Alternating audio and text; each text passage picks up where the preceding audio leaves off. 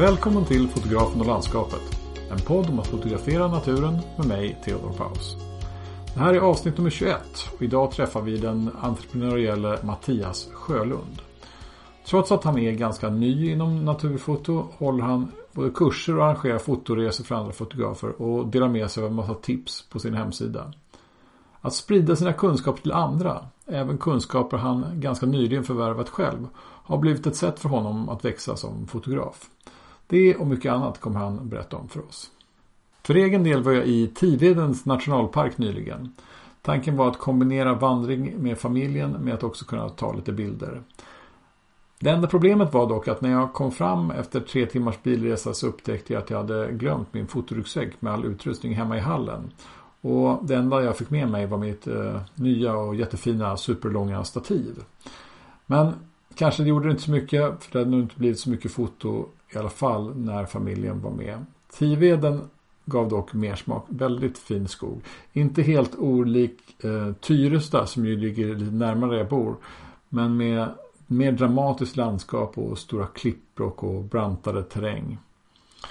Om allt går väl ska jag få komma ut i ganska närbelägna lilla naturreservatet Gullringskärret imorgon. Det ska bli kul. Och om ett par veckor så blir det Höga Kusten.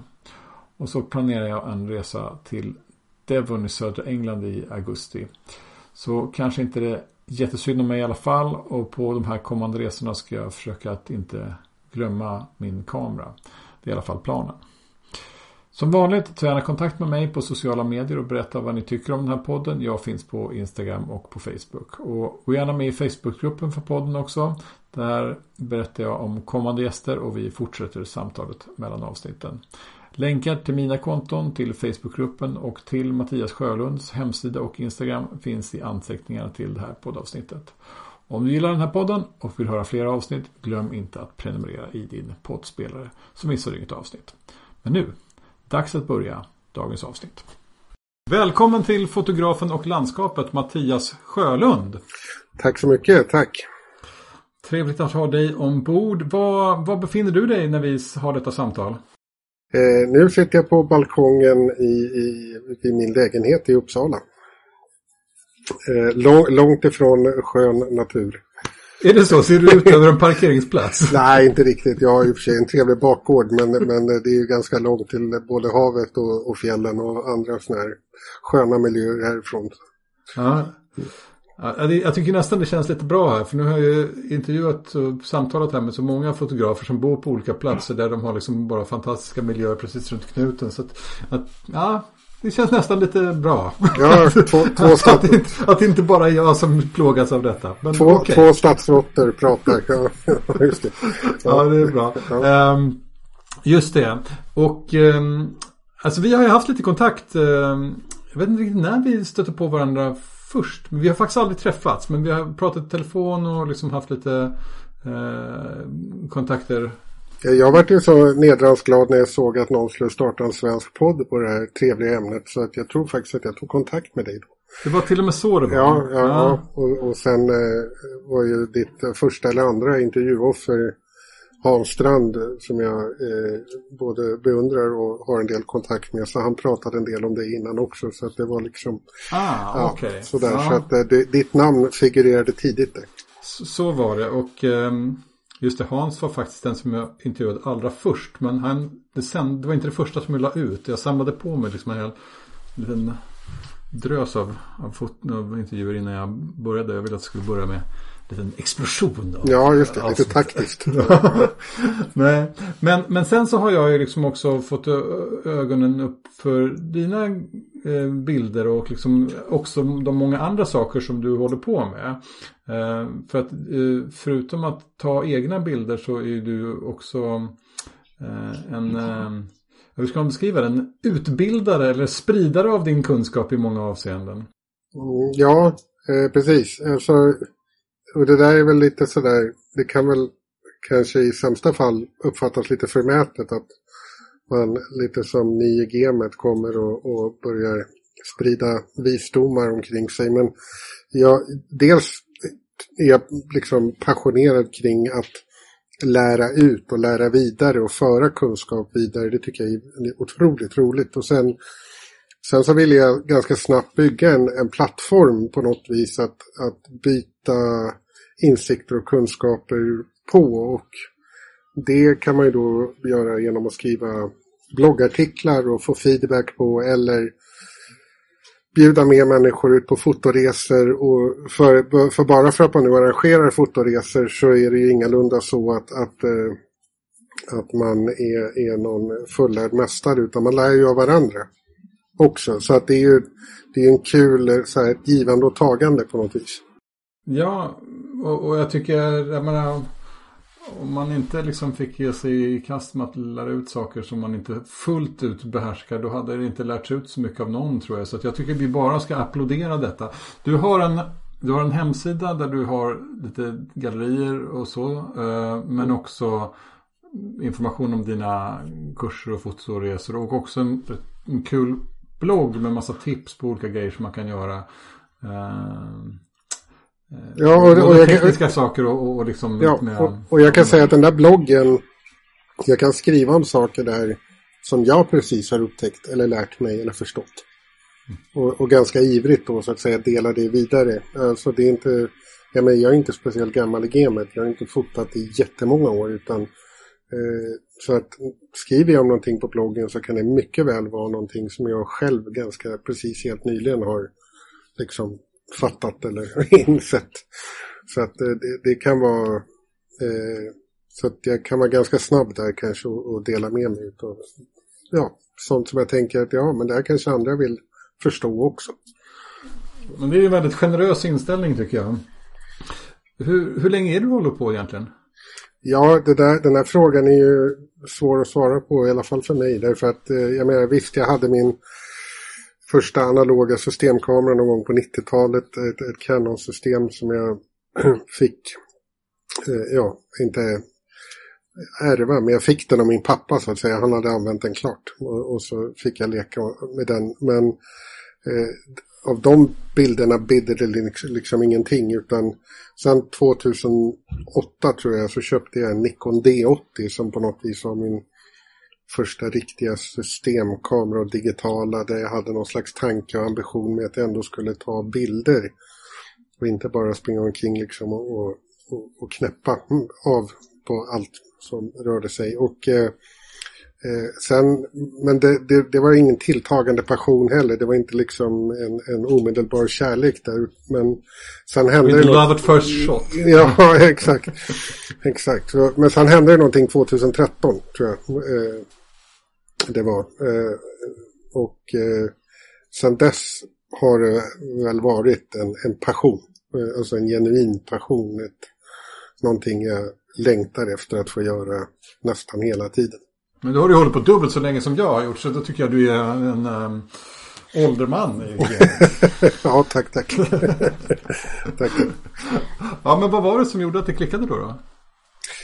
Eh, ja, Nej men det, det, är väl, alltså jag såg mycket fina bilder och, jag, och dessutom så har jag väl någon slags i grunden ett starkt naturintresse som kanske inte mitt, mitt naturintresse i övrigt består nog väldigt mycket av, av djurliv men det är ingenting som finns i mina bilder. Men just kombon utav att tycka om att vara ute i naturen och få fotografera. Så, och det, det, det är väl standardsvaret så här dags tänker jag, för så säger väl mer eller mindre alla. Men för det, det är icke desto mindre sant för mig. Så är det. Jag, jag gillar att vara ute och, och just det här att få skapa och vara kreativ ihop med det är en perfekt match helt enkelt. Ja. Jag bara tänker hur, den, hur, hur, hur du hittade det. För det var ju som du beskrev tidigare så var det liksom inte det kom inte som en total självklarhet i alla fall. Liksom att du, foto, du fick, foto fick vänta in dig lite grann eller? Ja, men sen är det också så här lite grann att, att jag blir, när jag väl blir, jag kan inte säga vad det var som var liksom det avgörande ögonblicket. Men, men när jag blir passionerad kring någonting så blir jag väldigt passionerad. Jag menar, jag har varit passionerad kring en rad olika saker i, i mitt liv. Och det har varit och, och ganska väsensskilda saker. Men, Som- eh, Sådana ja. där cliffhangers får du inte bara släppa. Du, du får du berätta lite grann. Nej, ja, att okej. Avvika från ämnet här. Vad, har du varit fascinerad av i ditt liv? Flyg. Flyg? Ja, flyg, flyg, flyg, flyg i största allmänhet, eh, vilket är även delvis var något slags jobb jag hade ett tag, men eh, också liksom som hobby att, att flyga. Eh, så att det är väldigt roligt. Eh, men eh, sen eh, passade det inte riktigt in längre i mitt liv och, och sen söker jag väl kanske omedvetet efter någonting annat att, att göra och hittar nya intressen. Och, och då kom det här med bild in i mitt liv och, och det har väl kanske att göra med någon slags kreativ, något behov av att få vara kreativ. Just det. För du, du har ett... eh, Du jobbar med data som de säger i Masjävlar. du, jag fatt, du har beskrivit det men jag har inte riktigt fattat. Men du, du, du har ett... eh, jag- Liksom, ja, vad gör du egentligen? Jag är, jag är säljansvarig. Eh, man kan väl säga säljchef också, men jag har väl inget riktigt personalansvar, så jag brukar säga säljansvarig. Eh, på en, en, en kommunikationsbyrå eh, som heter Fosworks. Vi är 50 anställda ungefär, eh, med bas i Uppsala, eh, med även kontor i Stockholm och, och på lite andra ställen. Eh, och det, det är min kärna så att säga. Det är det jag, mitt, mitt bread and butter och ett jobb jag trivs med otroligt bra också. Eh, så, och det är ju en kreativ bransch så att eh, det är väl tur det jag får säga. För jag får ju hela Du får lite av kreativiteten även... Ja, jag får i alla fall hela dagarna umgås med massa talangfulla kreatörer och, och kodare och människor som är otroligt duktiga på respektive, eh, sitt respektive arbetsområde. Så Ah, det är otroligt roligt. Ja. Men men, okej. Men eh, eh, jag tittar på alltså, um, dina egna bilder. Mm. Eh, det är ju... ehm, ja, hur skulle du beskriva dem själv? Ja, eh, jag, jag kan pendla lite tycker jag. jag. Jag tycker kanske inte riktigt att jag har hittat liksom min, min, mitt signum. Om du förstår vad jag menar. Liksom, eh, utan jag, jag kan väldigt lätt inspireras och, av andra och få eh, och, och, test, och vill testa olika saker. Så att jag kanske inte riktigt har hittat mitt signum, men liksom min stil. Men eh, när jag själv får liksom, om, jag, om, om man någonsin någon, någon gång har kontroll över situationen, vilket man i princip aldrig har, eftersom vädret och andra saker styr så himla mycket, så kan jag väl ändå känna att jag gillar när det är liksom färgerna är lite lite ner så att säga, lite, lite blekare. Inte, inte, inte fullt så mycket där amerikanska eh, rosa skimrande solnedgångarna. Men därmed sagt, jag har tagit sådana bilder också. Jag tar sådana bilder fortfarande och jag ger ut dem på ett sådant maner också kanske. Så att det är väl det jag menar att jag, jag kan pendla lite i vad jag vill göra. Jag har inte ett mood eller en stil utan jag är lite fladdrig eller bred kanske om man vill vara snäll. Fladdrig om man vill vara elak. Ehm, ja, nej men för, för det, en sak som jag tänker på när jag ser dem är väl nästan snarare att om man jämför med många andra svenska fotografer så känns det, det är lite mer åt amerikanska hållet skulle jag tycka. Alltså Ja, men det, det- det, det, är ganska mycket mättat Mm. färg och liksom lite så här dramatiskt liksom i, i, Mm. i typ av tematik som jag upplever att du söker. Liksom. Ja, men, och jag, jag, kan, jag, kan, eh, jag kan köpa det. Alltså, och det, är- det är egentligen i betraktarens öga, eller hur? Så att jag menar det är ju... Ja, jag har säkert fel. Nej, nej, du, du har säkert rätt skulle jag säga. Det, det kan ju vara så att jag uppfattar mig själv som lite mer nedtonad, men i själva verket inte alls är det.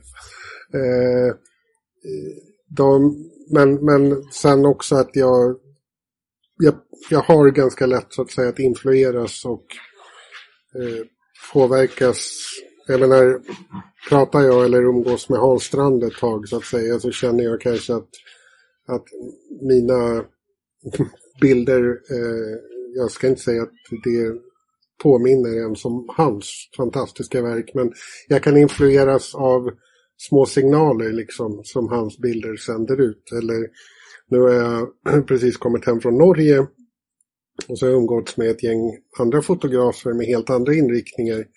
Och då kanske min, min stil går lite mer åt det hållet om du förstår vad jag menar. Mm. Just det. Det där är ett intressant spår tycker jag. Eh, för att eh, hur liksom eh, hur egen man måste vara för att känna att det känns okej. Okay, liksom. Ehm, det är ju ett, en del fotografer som, som när man filosoferar, det har varit en del sådana filosoferingar i den här podden också.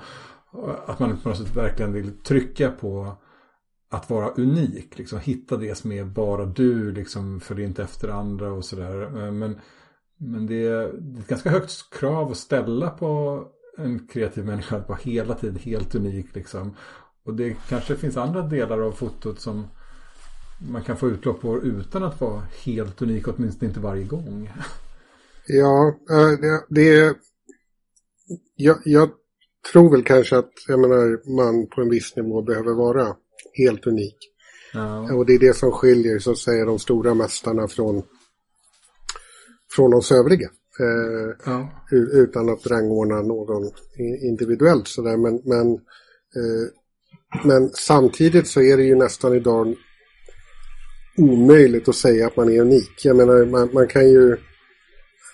Så, alltså, så länge man inte rippar kompositioner rakt av eller eh, Ja, ja men du vet liksom bara, ja. bara knäpper ikonerna hela tiden liksom på Kirkefjäll eller Isle of Sky eller så här så, så, så, så är det ändå svårt att vara unik. För jag menar det är ju det är väldigt mycket som är gjort och väldigt lite som är ogjort skulle jag säga i det inom landskapsfotografi. Nej, det mesta är väl ogjort va? ja. Det måste ju vara inställningen. ja, okej. Okay, ja. Jag, jag, skulle nog ändå säga att det är svårt att vara unik. Ja, nej men så långt igen. Ja, men man kan vara abstrakt. Eller man kan vara liksom intima landskap som jag älskar att fota. Eh, just nu är jag inte så mycket för de stora landskapen, även fast flera av mina senare bilder från Norge just varit stora landskap. Men eh, men, men, men det, det är ju svårt ändå att vara unik. Liksom. Ja, ja, ja. Men, men känns det viktigt för dig? Nej, inte speciellt. Alltså glädjen handlar mer om att känna att jag, jag, jag är ganska nollställd när jag går ut. Så att säga och ska ta en bild eller ut och fota. Det är så, jag har lärt mig någonstans att sänka ambitionsnivån under noll.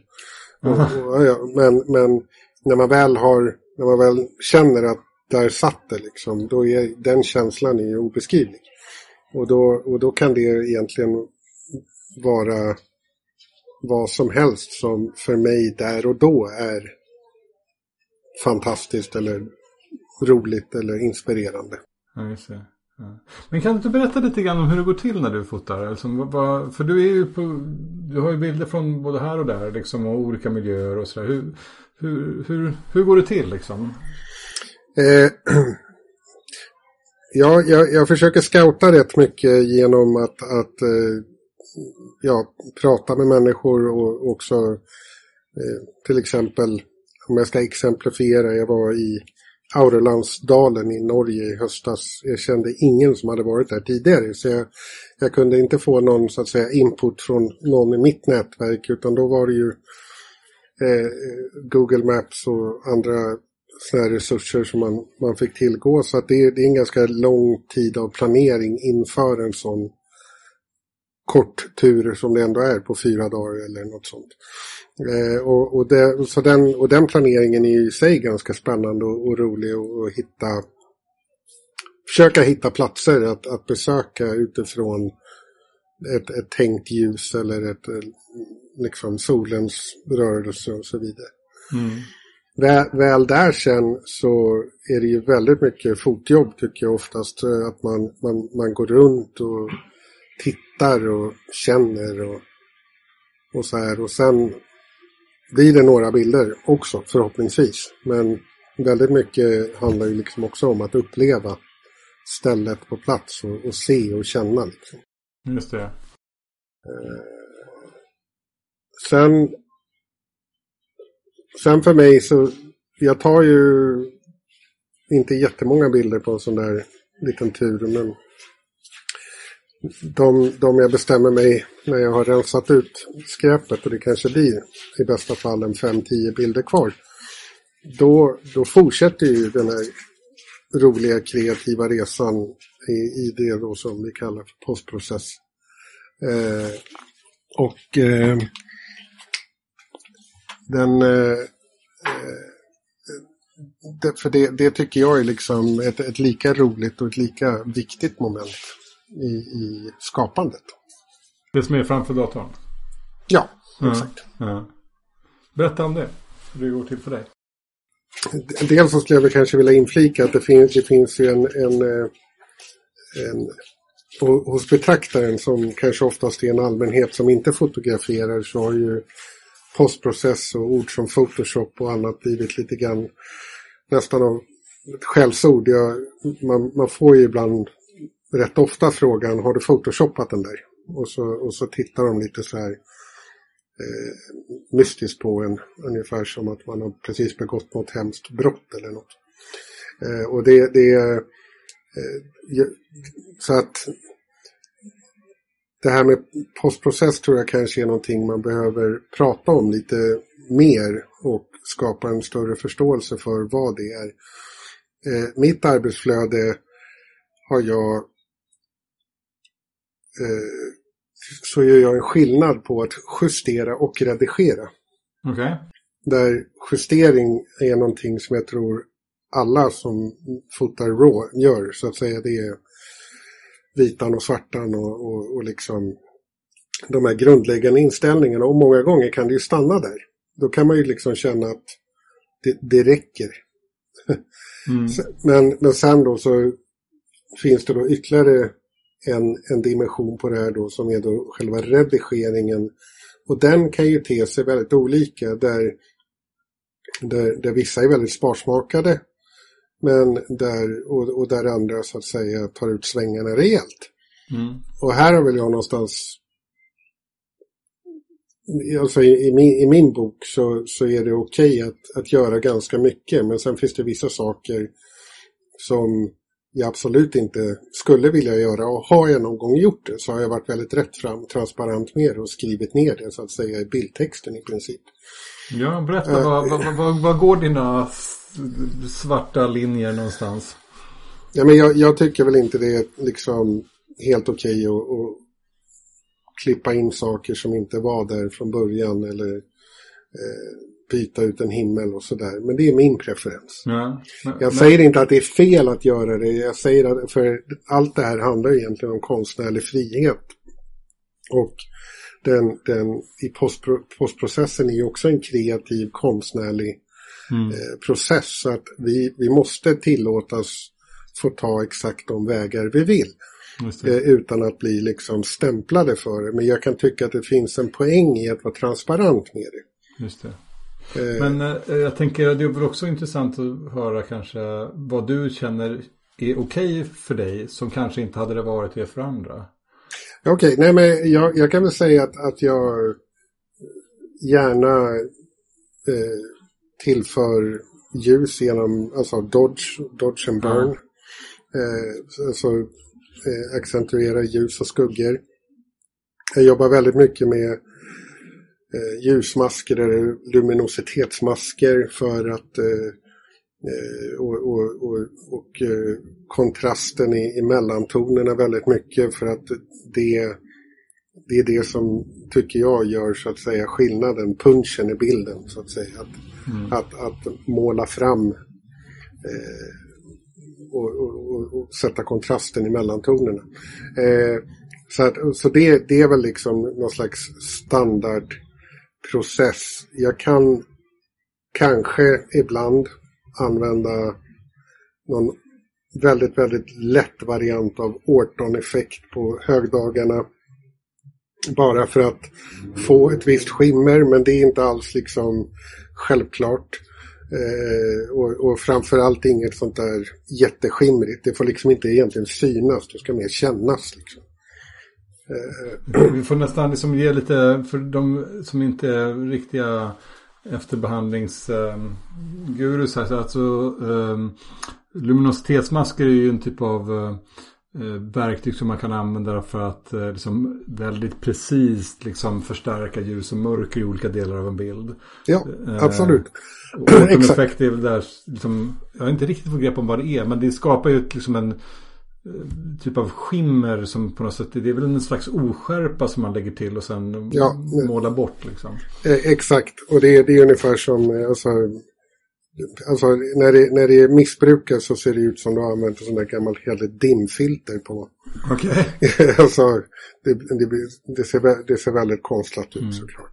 Men, det, men det, det, all, alla sådana här saker måste ju någonstans också användas eh, med något, liksom någon måtta eh, för att det inte ska bli överdrivet. Jag menar, alla kommer ihåg när HDR kom och, mm. och folk HDR-ade liksom på, till en gräns där det såg helt absurt ut.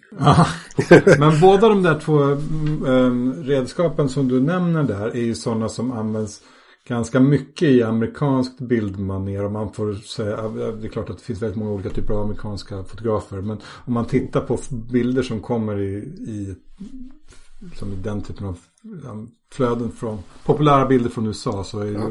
oftare som man använt den typen av effekter. Absolut, och, och, och, och är väldigt mycket mer än, än vad jag kan tycka oftast är okej också. Ja, ja. Men, men eh, men, men det ska väl sägas också att, att, och det finns säkert massvis av liksom superduktiga Photoshop-ninjas även här. Eh, jag råkar dock inte känna någon så, men däremot så har jag genom olika kontakter kommit i kontakt med, med sådana som jag då tycker är väldigt otroligt duktiga. Eh, till exempel David Thompson eller eh, Sean Bagshaw till exempel. Så otroligt duktiga på ja, både att fota men även postprocess. Och det här är ju egentligen ja, det är två olika saker. De sitter väldigt intimt tillsammans men eh, bara för att man är superduktig på det ena så betyder inte det att man är superduktig på det andra.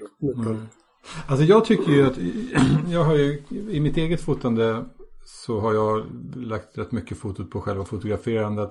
Men det är mest för att jag tycker det är kul att vara ute också. Men, men, men även rent filosofiskt så känner jag att jag ligger ganska nära hur du tänker liksom. Att det är ganska mycket som är okej. Okay. Jag har inga problem med liksom, att ta bort saker som jag tycker är fult i min bild. Om jag tycker att det stör liksom och sådär. Men um, jag vet inte riktigt hur du förhåller dig till det. Men, men, men um, uh, i Sverige har jag upplevt att det har varit ganska lite diskussion om det här uh, efter naturfoto. Sverige verkar vara rätt mycket att man vill att idealet är på något sätt att bilden ska vara ganska oprocessad. Liksom, eller åtminstone varsamt processad. Ja, och det, och det är väl det du, du kanske som jag kallar för att justera så att säga. Ah. Man tar inte bort någonting, man lägger inte till någonting utan man, man återför egentligen bara, ja man framkallar bilden, punkt. Liksom. Eh, och, det, och det är okej. Okay. Alltså allt, jag tycker allt det här är okej okay, men, men jag har inga problem att klona bort en elledning. Mm. Jag menar, stör den min bild eller min vision som såklart någonstans ändå ska vara så nära verkligheten som möjligt. Mm. så, men då, då åker den, det är bara så. De är ju rätt fula oftast. Alltså. ja, men jag, ja, jag menar om man till exempel vart vi Hajfoss på, på, jag tror inte det uttalas exakt så, men det stavas så på Island. Jag har varit där. Ja, då, ja, då så. Detta fantastiska vattenfall och jag, jag, jag har tagit eh, i min egen... Eller, på hela, Island? Ja. ja. i många andras utsagor min bästa bild är tagen där, så att mm. säga. Eh, jag har inte riktigt förstått varför, men, men den, den blir alltid populärast. Liksom, så. Men, den, men, men det, det går ju liksom en stor elledning bakom där. Mm. Den, den går inte att liksom komponera bort, utan den, den är där. Ja. Eh, på något vis. Alltså det är klart den går att komponera bort. Men ska du ha den här scenen som, som blir den mest liksom ögonfallande när du står där. Då måste du antingen ha den kvar i bild eller klona bort den. Jag klonade bort den. Ja, det, det, det, du är förlåten. ja, själv tog jag min kanske sämsta bild vid Highfoss. Det var, det var jävla dåligt väder när jag var där. Det var ju som otroligt regnigt. Och jag höll på att blåsa av kanten på det där väldigt branta stupet. Och dessutom så all, alla mina bilder var superoskarpa och massa vatten på. Så att, äh, ja. Äh, ja, det, ja, ja, det, det, var, det var ganska horribelt väder när jag var där också kan jag säga. Men det, fanns, det var en sån här 15 sekunders lucka mellan två pågående vädersystem nu. Men, eh, och sen det här med att trilla över kanten, det kommer aldrig att drabba mig för jag, eh, jag, jag lider nämligen av, av en extrem höjdskräck, vilket är inte alltid bra när man är landskapsfotograf. Men ja, jag, jag håller kanske all... att det är det, alltså, så att du slapp ramla över kanten. ja, jag håller alltid ett, väl tilltaget säkerhetsavstånd som är löjeväckande, 25 meter eller ja, men, men du, kan vi inte komma in lite grann på det här, Eh, dina liksom hur du ehm, också ehm, liksom tillhandahåller din kunskap för andra. Ehm, hur föddes den idén från början? Liksom, när du arrangerade din första workshop, liksom, fanns det, vad var tanken då? Ja, eh, tanken var väl mest att det skulle vara otroligt kul om det funkade. Alltså, jag var liksom triggad av idén att se om jag kunde dra det från ax till limpa. Eh, vilket kanske är lite liksom typiskt eh, företagaren i mig som liksom, även om jag är anställd idag och sådär så har jag ju på något sätt alltid varit egenföretagare.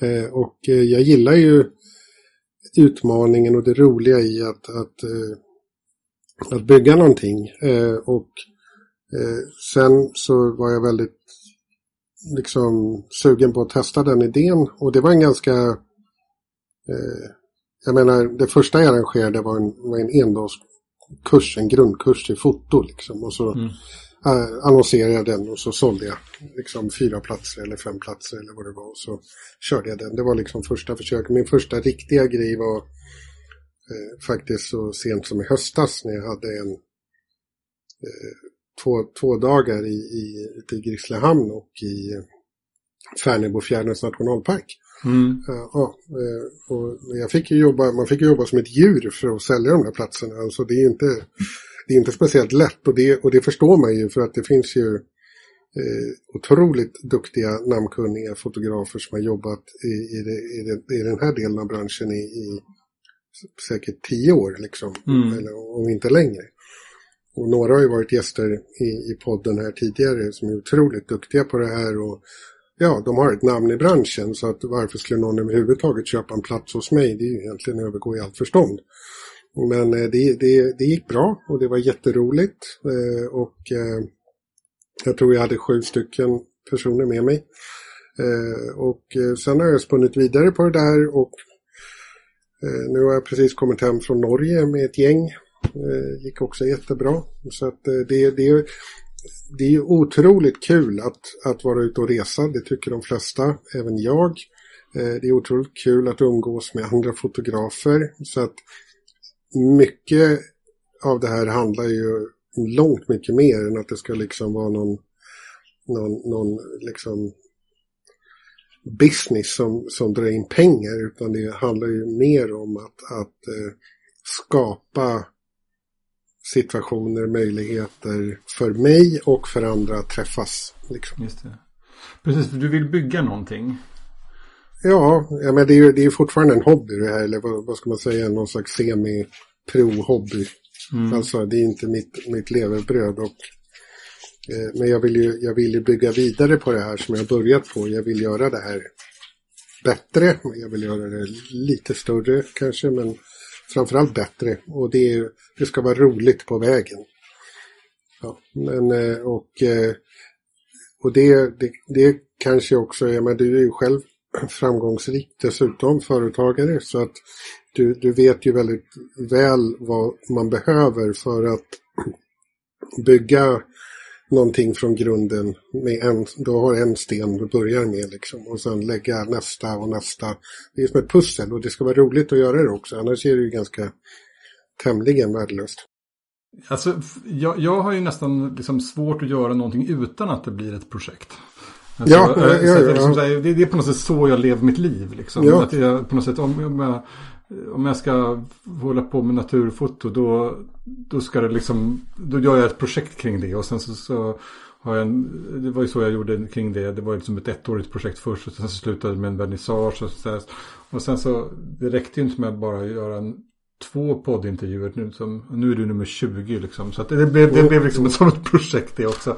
Så att det liksom, och alltså där gör jag med, med allting. Jag, du, jag har ju ett, som, en PR-byrå vid sidan av, alltså det är mitt vanliga jobb liksom. Klart, det, det är också ett projekt liksom. Så, så att jag tror att det, nästan allting blir så i mitt privatliv också. Att liksom, jag tror att människor är olika där. Så att, men jag tycker, så jag kan väldigt mycket relatera till det sätt som du tar dig an det. Liksom, så här. Du tycker att det är kul med foto, du tycker det är kul liksom, att vara ute, du tycker det är roligt liksom, att ha andra människor omkring dig. Då bygger du liksom en verksamhet kring det där på något sätt. Det, jag... Jo, men det, det, det är exakt så det är. Liksom jag, det, det är själva drivkraften. Ja. Det centrala är fortfarande fotot här, det är inte liksom businessen egentligen. Ja. Men sen, sen är det ju funtat så här i samhället att ska man göra sånt här så behövs det ändå en F-skattsedel och man behöver liksom ha redovisning och allt det där. Staten ska ha sitt. Ja, staten ska ha sitt. så att det, det, det är ju bara så. Det är ju bara att gilla läget. Men, ja. men eh, det handlar absolut mest främst om foto och, och, och få göra nya saker liksom med, med andra och, och, uppleva saker eller dela saker och insikter. Och allt det här, den här plattformen jag har byggt och, eller håller på att bygga eh, Fotomagika, det vill säga bloggen och resen och allt det här. Det, det handlar väldigt mycket om, om, om, om ja, det roliga i det här så att säga och att göra det tillsammans. Just det. Men du har ändå funderat rätt mycket som jag förstår på liksom den ekonomiska dimensionen av det här. Alltså att delen i, i eh, naturfoto. Det, det, det liksom... Ja, absolut. Och, och det, eh, det jag fick mig en liten eh, tanke kring det här någon gång för något år sedan eller två. När jag lyssnade på en podd med en, en så kallad då professionell fotograf som, som har det här som sitt levebröd. Och eh, hen pratade liksom om hur betungande allting var egentligen också kring att, att det, är, det är verkligen alltså det här, det här som vi tycker är roligt att komma ut, det, det får den personen göra lite grann. För sen är det bara liksom fakturering och ekonomi och jaga kunder och nya jobb och avtal och det är så himla mycket annat så, så man undrar ju liksom hur, någon sen har lust och ork och ens gå ut och ta bilden. Men eh, i, i mitt fall, jag, jag har för det första har jag nog bestämt mig för att jag ska inte ha det här som mitt levebröd. Mm. Primärt, därför att jag tror inte att det kommer att gagna passionen. Nej. Jag tror att då, då ska man liksom, då blir det bröllopsfoton sen liksom en masse. Ja. Och sen så har man liksom inte tid eller lust att göra någonting annat. Så att jag, jag, jag har i alla fall kommit fram till den punkten att det, det här får gärna vara en avancerad hobby, eh, ett företagande, men det ska inte vara liksom mitt primära eh, levebröd. Nej.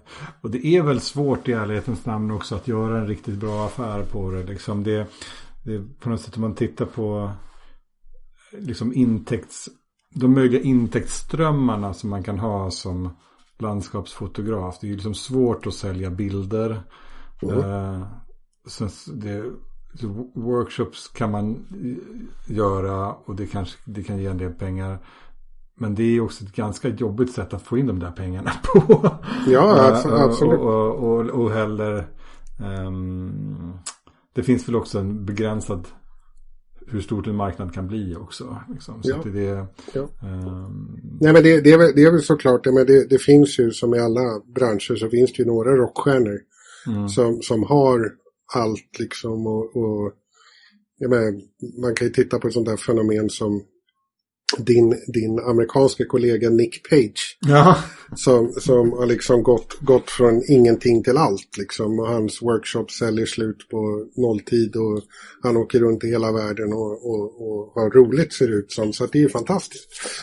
Eh, Ja. Så att det, det, men det finns ju några sådana här rockstjärnor liksom. Men, men för de allra flesta professionella och, semiprofessionella och amatörer så, så är det nog liksom en hel del slit liksom om man ska bygga någonting liksom om man, om man har den ambitionen.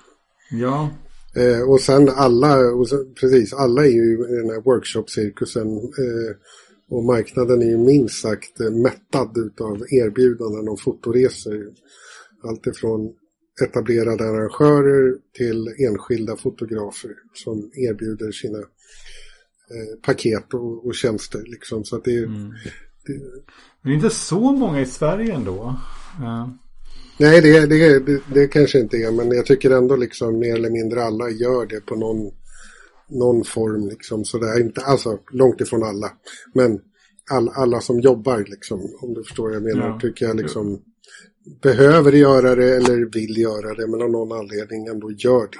ja.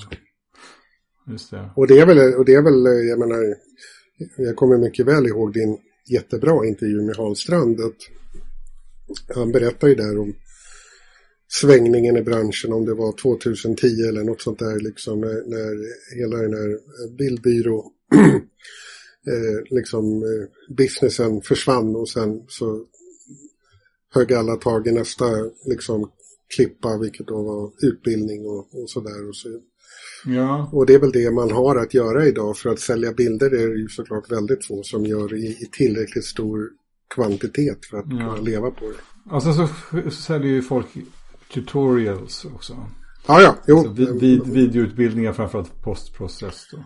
absolut. Och det, Men det, det är ju, ja precis, men det är fortfarande utbildning i någon form så att säga. Det Ja, absolut. men men, eh, det är ju jättekul. Vi, vi måste ju måste, måste ju ändå kunna räknas till, till den hobbyvärlden där det finns mest utbildning att tillgå. Liksom. Ja, men det finns ju, på YouTube finns det massa gratis, det finns att köpa höger och vänster. Ja. Så man kan ju utbilda sig här hela livet utan att någonsin bli fullärd och ändå ha kul på vägen. Så det är väl jättebra. Jag har fortfarande inte riktigt förlåtit Nick Page för att jag skulle nämligen vara med i hans eh, podcast en gång. Ehm, jag hörde av mig till honom och föreslog att jag skulle vara med där och då tyckte han var en jättebra idé. Först och så bokade vi en tid och sen så ställde han in och så, så skulle vi, eh, så, samma dag. Och sen Jaha. skulle vi, skulle, vi, skulle vi boka om och då bokade vi en ny tid. Och då ställde han också in samma dag. Och sen dess har jag sagt att nej nu tänker inte jag lyssna på din podcast. Jag förstår, jag förstår. ja, så jag är Ja. fortfarande bitter. Ja, Ehm, ja men, det, men, det, tycker jag, det tycker jag du ska vara med all rätt. Det, det, det är lite dålig stil att stä- ställa in. Han hade säkert goda skäl. Men eh, det, det, så var det i alla fall. ja, men du, den här, den här, den här förändringen som har varit liksom med att intäktsströmmarna har liksom gått så mycket från att sälja bilden till att sälja liksom hobbyn om man säger. Eller Utbildningen Ja. och upplevelserna för andra fotografer.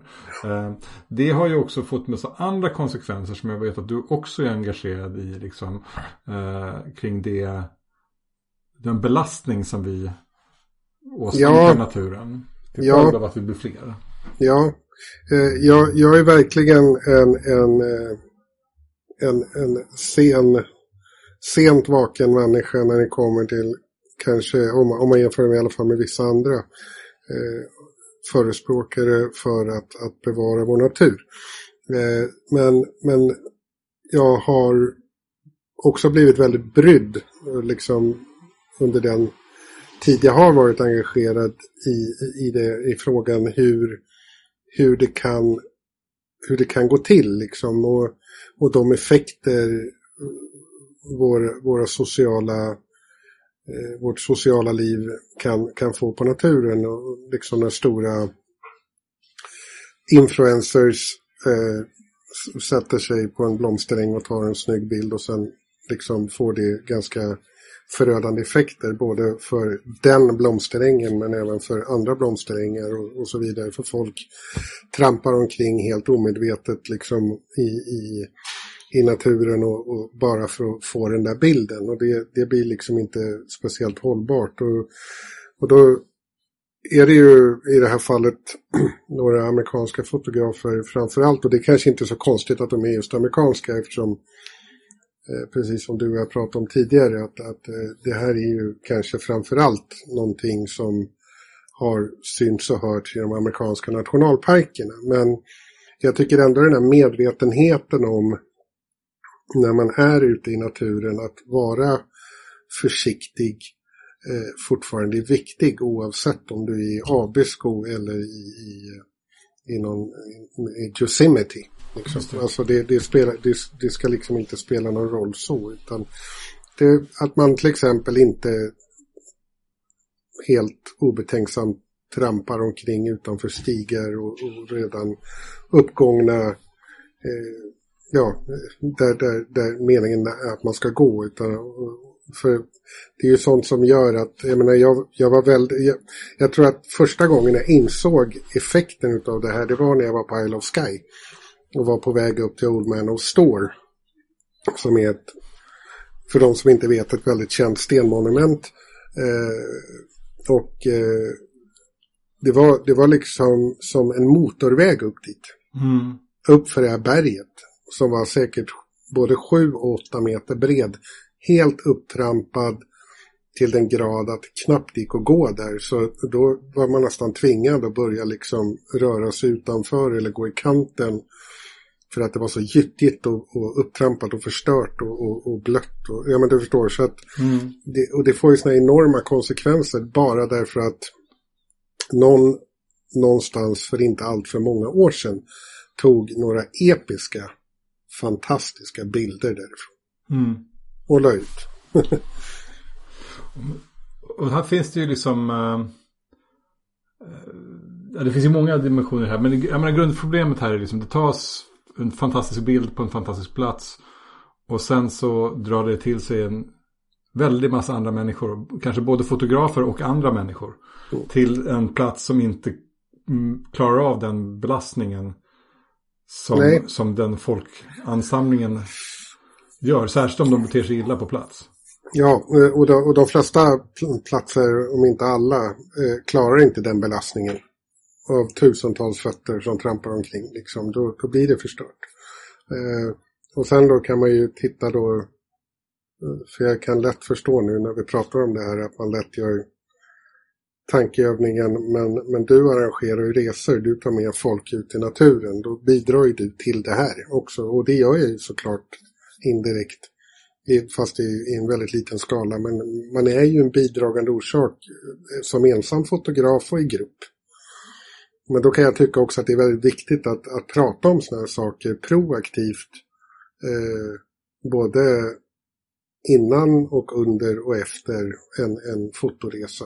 Och liksom prata om, om, om problematiken och så att alla som är med förstår eller åtminstone får kanske någon ny insikt om att, att eh, liksom någon slags eh, uppförande, liksom vad som är ett bra uppförande och hur man, hur man bör tänka. Liksom. Så att, eh, Eh, för det, det är ju såklart så att de här mest eh, populära eh, Ja, vi kan prata om Nick Page igen då bara för att vi tog upp honom tidigare som, som, som arrangerar säkert 10-20 stora resor varje år och kanske vissa till samma platser återkommande så är man ju såklart en väldigt tungt bidragande orsak till att, att också eh, förstöra en del. Eh, så att eh, ja, det kan ju bara vara väldigt viktigt, tänker jag, att, att ha det här. Och då, då, finns det i alla fall då den här organisationen som heter Nature First, om jag får puffa lite för den, som är ett, en, en, en plattform, en organisation startad av fotografer för fotografer just med att, och det är helt gratis att vara med där, men man, man, går man med där så är man på något vis också säger man inför världen också att jag vill följa de här eh, sju, sju principerna som är upprättade. Och det är ju liksom, det är ganska basala, självklara saker som att prioritera naturens välbefinnande, skaffa nödvändig kunskap om de platser man ska besöka och, och så vidare. Ja, det, det, det, är inte någon så här jättebetungande ja, lista med principer. Jag, jag... Nej, och, och jag kan nog säga att, att de flesta jag känner som jag fotar med de lever redan efter de här principerna liksom för man gör det på något vis om man, om man, om man inte är liksom helt, om du ursäktar, vrickad liksom så fattar mm. man att det, det här är korrekt. Och så att de, de, flesta kanske inte behöver få det här men jag tror uppenbart så är, är kunskapsbehovet kring de här frågorna mycket större än man tror när man ser hur vissa människor beter sig i naturen. Just det. Mm. Jag menar, hur, hur kommer det sig att vi efter en två dagars ute i, i, i Grisslehamn liksom har bakluckan full med skräp? Liksom? För att ni plockar mer hem skräp ja, ja, vi, lämnat? Ja, ja vi, det, det, ingår liksom lite grann i, i programmet att man deltar i att också rensa upp. Ser man en petflaska ligger där så tar ja. man den med sig. Men, men det finns ju en, liksom lite, en fundering som jag tänker sträcker sig längre än att bara Ja, de här principerna är liksom Ja, skaffa nödvändig kunskap, liksom fundera över konsekvenserna du vidtar innan du gör saker. Liksom följ leave no trace-principerna. Alltså det, det, det, är ganska, man kan tycka att liksom, så där borde man ju alltid bete sig liksom. Men, men, men, men så en fundering som jag har är liksom så här, räcker det där? Liksom med den typen av, även om folk beter sig bra, vissa miljöer klarar ju liksom inte av den belastningen som, som de utsätts för. Liksom. Um. Nej, absolut. Jag är ganska säker på, eh, även om jag tror, tror inte jag kan komma på ett enda ställe i Sverige som har varit så ansatt, men vissa av de här ställena även i Europa som Isle of Sky eller eh, uppe på Island skulle nog förmodligen behöva liksom spärras av under en tid. Ja, för att återhämtas liksom. Eller har vi väldigt mycket mer naturvård på plats. Jag menar den där Old Man of Store som du berättade om tidigare på Isle of Sky. Mm. Jag menar helt uppenbart, även om alla hade betett sig bra så ja, det var bara så mycket folk som man mäktar med innan det blir lervällning av den, de där. Eh, liksom. Nej, ja, nej, men absolut. Och jag menar, jag borde inte heller ha gått där. men jag hade inte den insikten när jag kom dit. Men jag var, jag var liksom nästan lite skrämd av att se hur det såg ut. Ja. Det, var, det, var, det, var inte en, det var inte en trevlig liksom, naturupplevelse. Det var liksom lite mer plågsamt. Och, och faktum är, sen dess så har jag, sen den resan ska jag säga, så har jag slutat att jaga ikoner. Mm. Jag, jag fotar inte ikoner längre. Jag, jag försöker försöker hitta, ja, kanske inte egna motiv, för det är få egna motiv, men ändå hitta miljöer som inte är fullt så exploaterade. Mm. Ja, men jag tycker att för, för, i Sverige som jag ändå har fotograferat mest i så är det ju oftast att man slår snarare av att man är helt själv. Mm. Eh, att liksom, vi har inte riktigt haft det här problemet än. Men det, det är väl som du varit inne på tidigare att liksom det krävs väl kanske bara någon riktigt fantastisk ikonisk bild som drar hit en hord av människor från över hela världen och helt plötsligt ska alla vara på den där platsen. Det kan ju vara i Sverige också liksom. Ja, ja e-, e eventuellt. Det är i alla fall inte uteslutet. Sen kanske mm. det inte är lika nära till hand som, som andra destinationer. Men vi har ju exempelvis Söderåsen som, som eh, är extremt populärt bland fotografer. Mm. Eh, och, och, och, och, med all rätt, det är en fantastisk plats. Men eh, skulle du drälla ner några tusen fotografer där varje dag så skulle det snart inte finnas någon Söderåsen kvar. Liksom. Mm. Nej, det, det där får man tänka på. Vad, vad, jag vet ju att det liksom har varit i andra länder liksom att folk blir mer selektiva med att berätta om vad bild är tagen och liksom sådär. Det, man får, får anlägga lite olika Ja, och det, och det kan jag, liksom. ja, och det kan jag tycka också är en sån här liksom det räcker liksom med att skriva Sverige eller Skåne liksom eller vad som helst. jo, jo, men samtidigt så vill man ju ofta berätta vad det är. För att man vill liksom, det, är en del av det sociala i bildtagandet liksom. Att jag var på den här platsen och liksom så kan någon annan berätta om att de också var där liksom. Så att det, det men man får ju väl väga det mot liksom priset för det då. Ja, ja men absolut. Nu när vi var i Norge så, eh, för jag eh, teamade ihop med en norsk fotograf eh, på den här fotoresan så tog han oss till ett ställe och då sa han, alltså här får ni, ni får absolut inte geotagga det här stället. Mm. För vi som har hittat det, det är klart att det var någon annan som hade hittat det för dem, men i deras värld då, så att säga, om du förstår vad jag menar, så, så, ja, ja. så, så, så, så de, vill, de vill bevara det stället liksom som, som det är. Utan att, för att det, det är så exceptionellt vackert så att man kan lätt se hur det skulle kunna få en, en ganska hemsk effekt utav att man geotaggar en sån bild. Och, om, om en fotograf med tillräckligt många följare vill säga jag har bara 600 stycken så att det är ingen risk. nej, nej, nej, nej, men helt plötsligt är det någon som delar den där och så, så, ja. så är det ditt fel alltihopa. ja, men exakt. Men vi, vi har ju ändå liksom några skandinaviska fotografer med både 300 och 400 000 följare liksom. Och, och mm. Det blir en otrolig impact när de delar någonting. Just det. Mm. Ja. Um, förutom Eh, att följa de här principerna.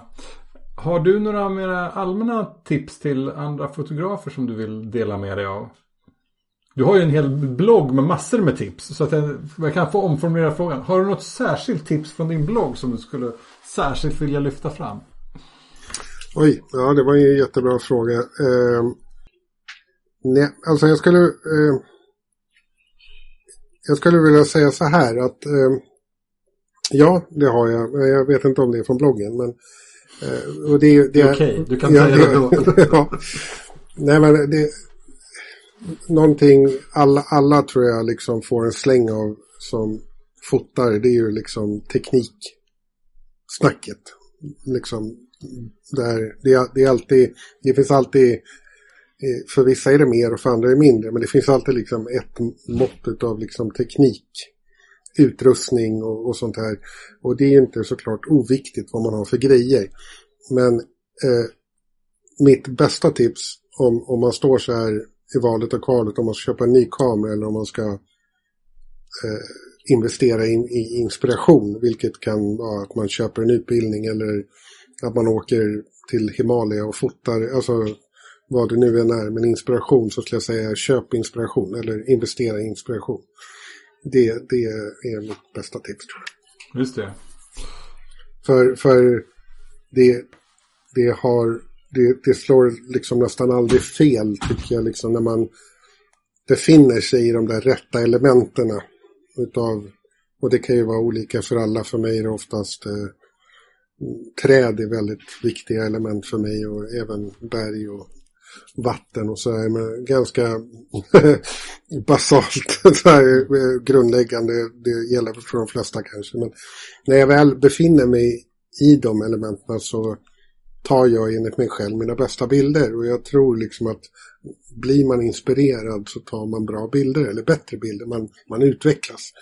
Och eh, det kanske man tycker att man gör också bara för att man liksom går och köper en, en jättedyr kamera. Men, jag, men jag, på marginalen så kanske pengarna lagt på en hitta något spännande att fotografera är mer värda än de där extra megapixlarna som man får eller vad det nu kan ja, vara. Ja, ja lite, lite så. Och sen tycker jag också att man kan eh, det finns säkert mycket bättre och tydligare exempel men en fotograf som jag verkligen eh, inspireras av heter Alex Noriega. Eh, och eh, han, det finns ju något, jag vet inte vad det kallas för, men Landscape eh, Photo of the Year. Liksom i något, det finns jättemånga tävlingar med det epitetet, men det finns The Landscape mm. Photographer of the Year. Och, och, han har vunnit den och det gjorde han för tre år sedan tror jag.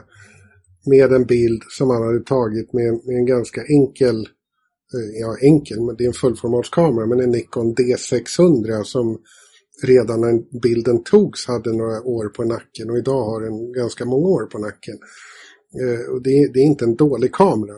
Absolut inte, men det är absolut inte heller cutting edge om man tittar på teknologi vad som finns idag. Men eh, så att det handlar så mycket mer om, om liksom vilken kamera man har. Så det är mycket bättre att investera i inspiration och sen nöja sig kanske ett tag med, med att kameran inte är den bästa. Mm.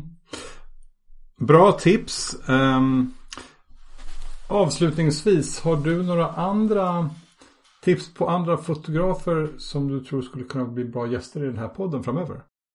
Ja, eh, det, det, har jag eh, faktiskt. Och det, det, första namnet jag tänker nu nämna det är en, en tjej som jag aldrig har träffat.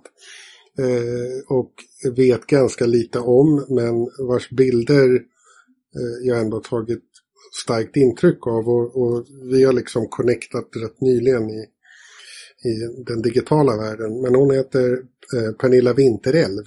Och okay. är uppe, uppe från Jämtland tror jag. Eh, jättefina bilder.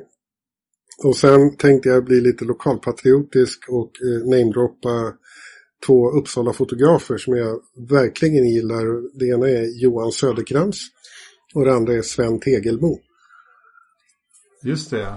De har jag kikat på båda deras bilder. Mm. För Sven Tegelmo som har den konstiga bild, den här... Eh, vad heter det? profilbilden som var föremål för diskussion vid tidigare avsnitt här. Jaså, ja, okej. Okay. Han har en, en figur ur Mupparna som sin, eh, sin, eh, sin um, profilbild om det är på Facebook eller Instagram. Ja, ja på Instagram har han ett vackert träd. Men mm. det jag verkligen gillar med Tegelmo det är hans, för det första otroliga förmåga att, att, och det här vet jag ju en, en paradgren även hos dig, att hitta lokala motiv. Det är verkligen inte en paradgren hos mig, det är något som jag ständigt misslyckas med. ja, jag vet att du har haft en, en hård, hård fight där, men... Det är en tävling som jag ständigt deltar i och ständigt misslyckas i. ja, ja det, men det, det är ju hårt. Men han är bra på det. Han är väldigt bra på det och han, han men vi har, eh, är, är man landskaps intresserad av landskap så att säga så är kanske Uppsala inte den, den, den, första platsen i världen du tänker på. Men vi, vi har en, en, en del natur runt om här. Hågadalen till exempel. Och Svens bilder därifrån, de är helt enastående. Alltså helt fantastiska för att han är där såklart i rätt ljus under rätt förhållanden. Mm. Eh, men, ja, en, en, en jätteduktig fotograf och, och även Johan Eh, också som sagt. Så Johan Söderkrans, Sven Tegelmo och Pernilla Vinterelv. De tre skulle jag vilja puffa för idag. De får vi kolla upp. Uh, och uh, uh, på del av deras bilder så ska jag addera dem till listan av ehm, framtida möjliga poddgäster. Ja, jag tänker du måste ha en ganska bra, lång, skön lista. Ja, det, det, det, är ju det som är problemet tyvärr. Att varje gång så får jag fler tips än jag kan gå vidare med. Så den listan blir bara längre och längre. Men, men, men det gör ju också att man kan äh, även titta på deras fina bilder även om de inte hamnar i podden. Um, ja, men jag, för jag, jag kommer ihåg att när du började den här podden så tänkte jag alltså, för det första var jag väldigt glad som jag, som jag sa inledningsvis. Men sen Sen, sen slog det mig en tanke som var lite jobbig och det var liksom, tänk, tänk om han liksom får slut på, på källor att intervjua, för jag menar hur många finns det? Men det, det här är ju skönt, det visar ju, det, det finns mer än man mäktar med liksom att ta in i den här podden förmodligen. Ja, och jag tänker Otroliga också... talanger. Ja. ja, men jag tänker också att det är en liten tanke med det här är ju också att liksom, alltså, bredda idén om vad landskapsfoto kan vara också. Har ju, jag har ju haft en del fotografer med som kanske inte huvudsakligen har betraktat sig som landskapsfotografer men som fotograferar naturen på olika sätt. Liksom. Och jag tänker att det kan vara roligt. Jag upplever att du till exempel verkar inom en, liksom på något sätt, ganska väl inom ramen för vad landskapsfoto är. Mm. Men eh, jag tänker att det kan vara kul att ta med människor också som har kommer in i det där från lite olika eh, håll liksom. Ja, det är absolut. absolut. Mm. Eh, du, med det så tänker jag att vi avslutar idag och stort tack för att du var med. Ja, stort tack för att jag fick vara med. Det är, det är lite otippat måste jag säga med tanke på alla fantastiska fotografer som har figurerat i din podd så känns det otroligt hedervärt. Så att, jätteroligt. Tack så mycket. Tack.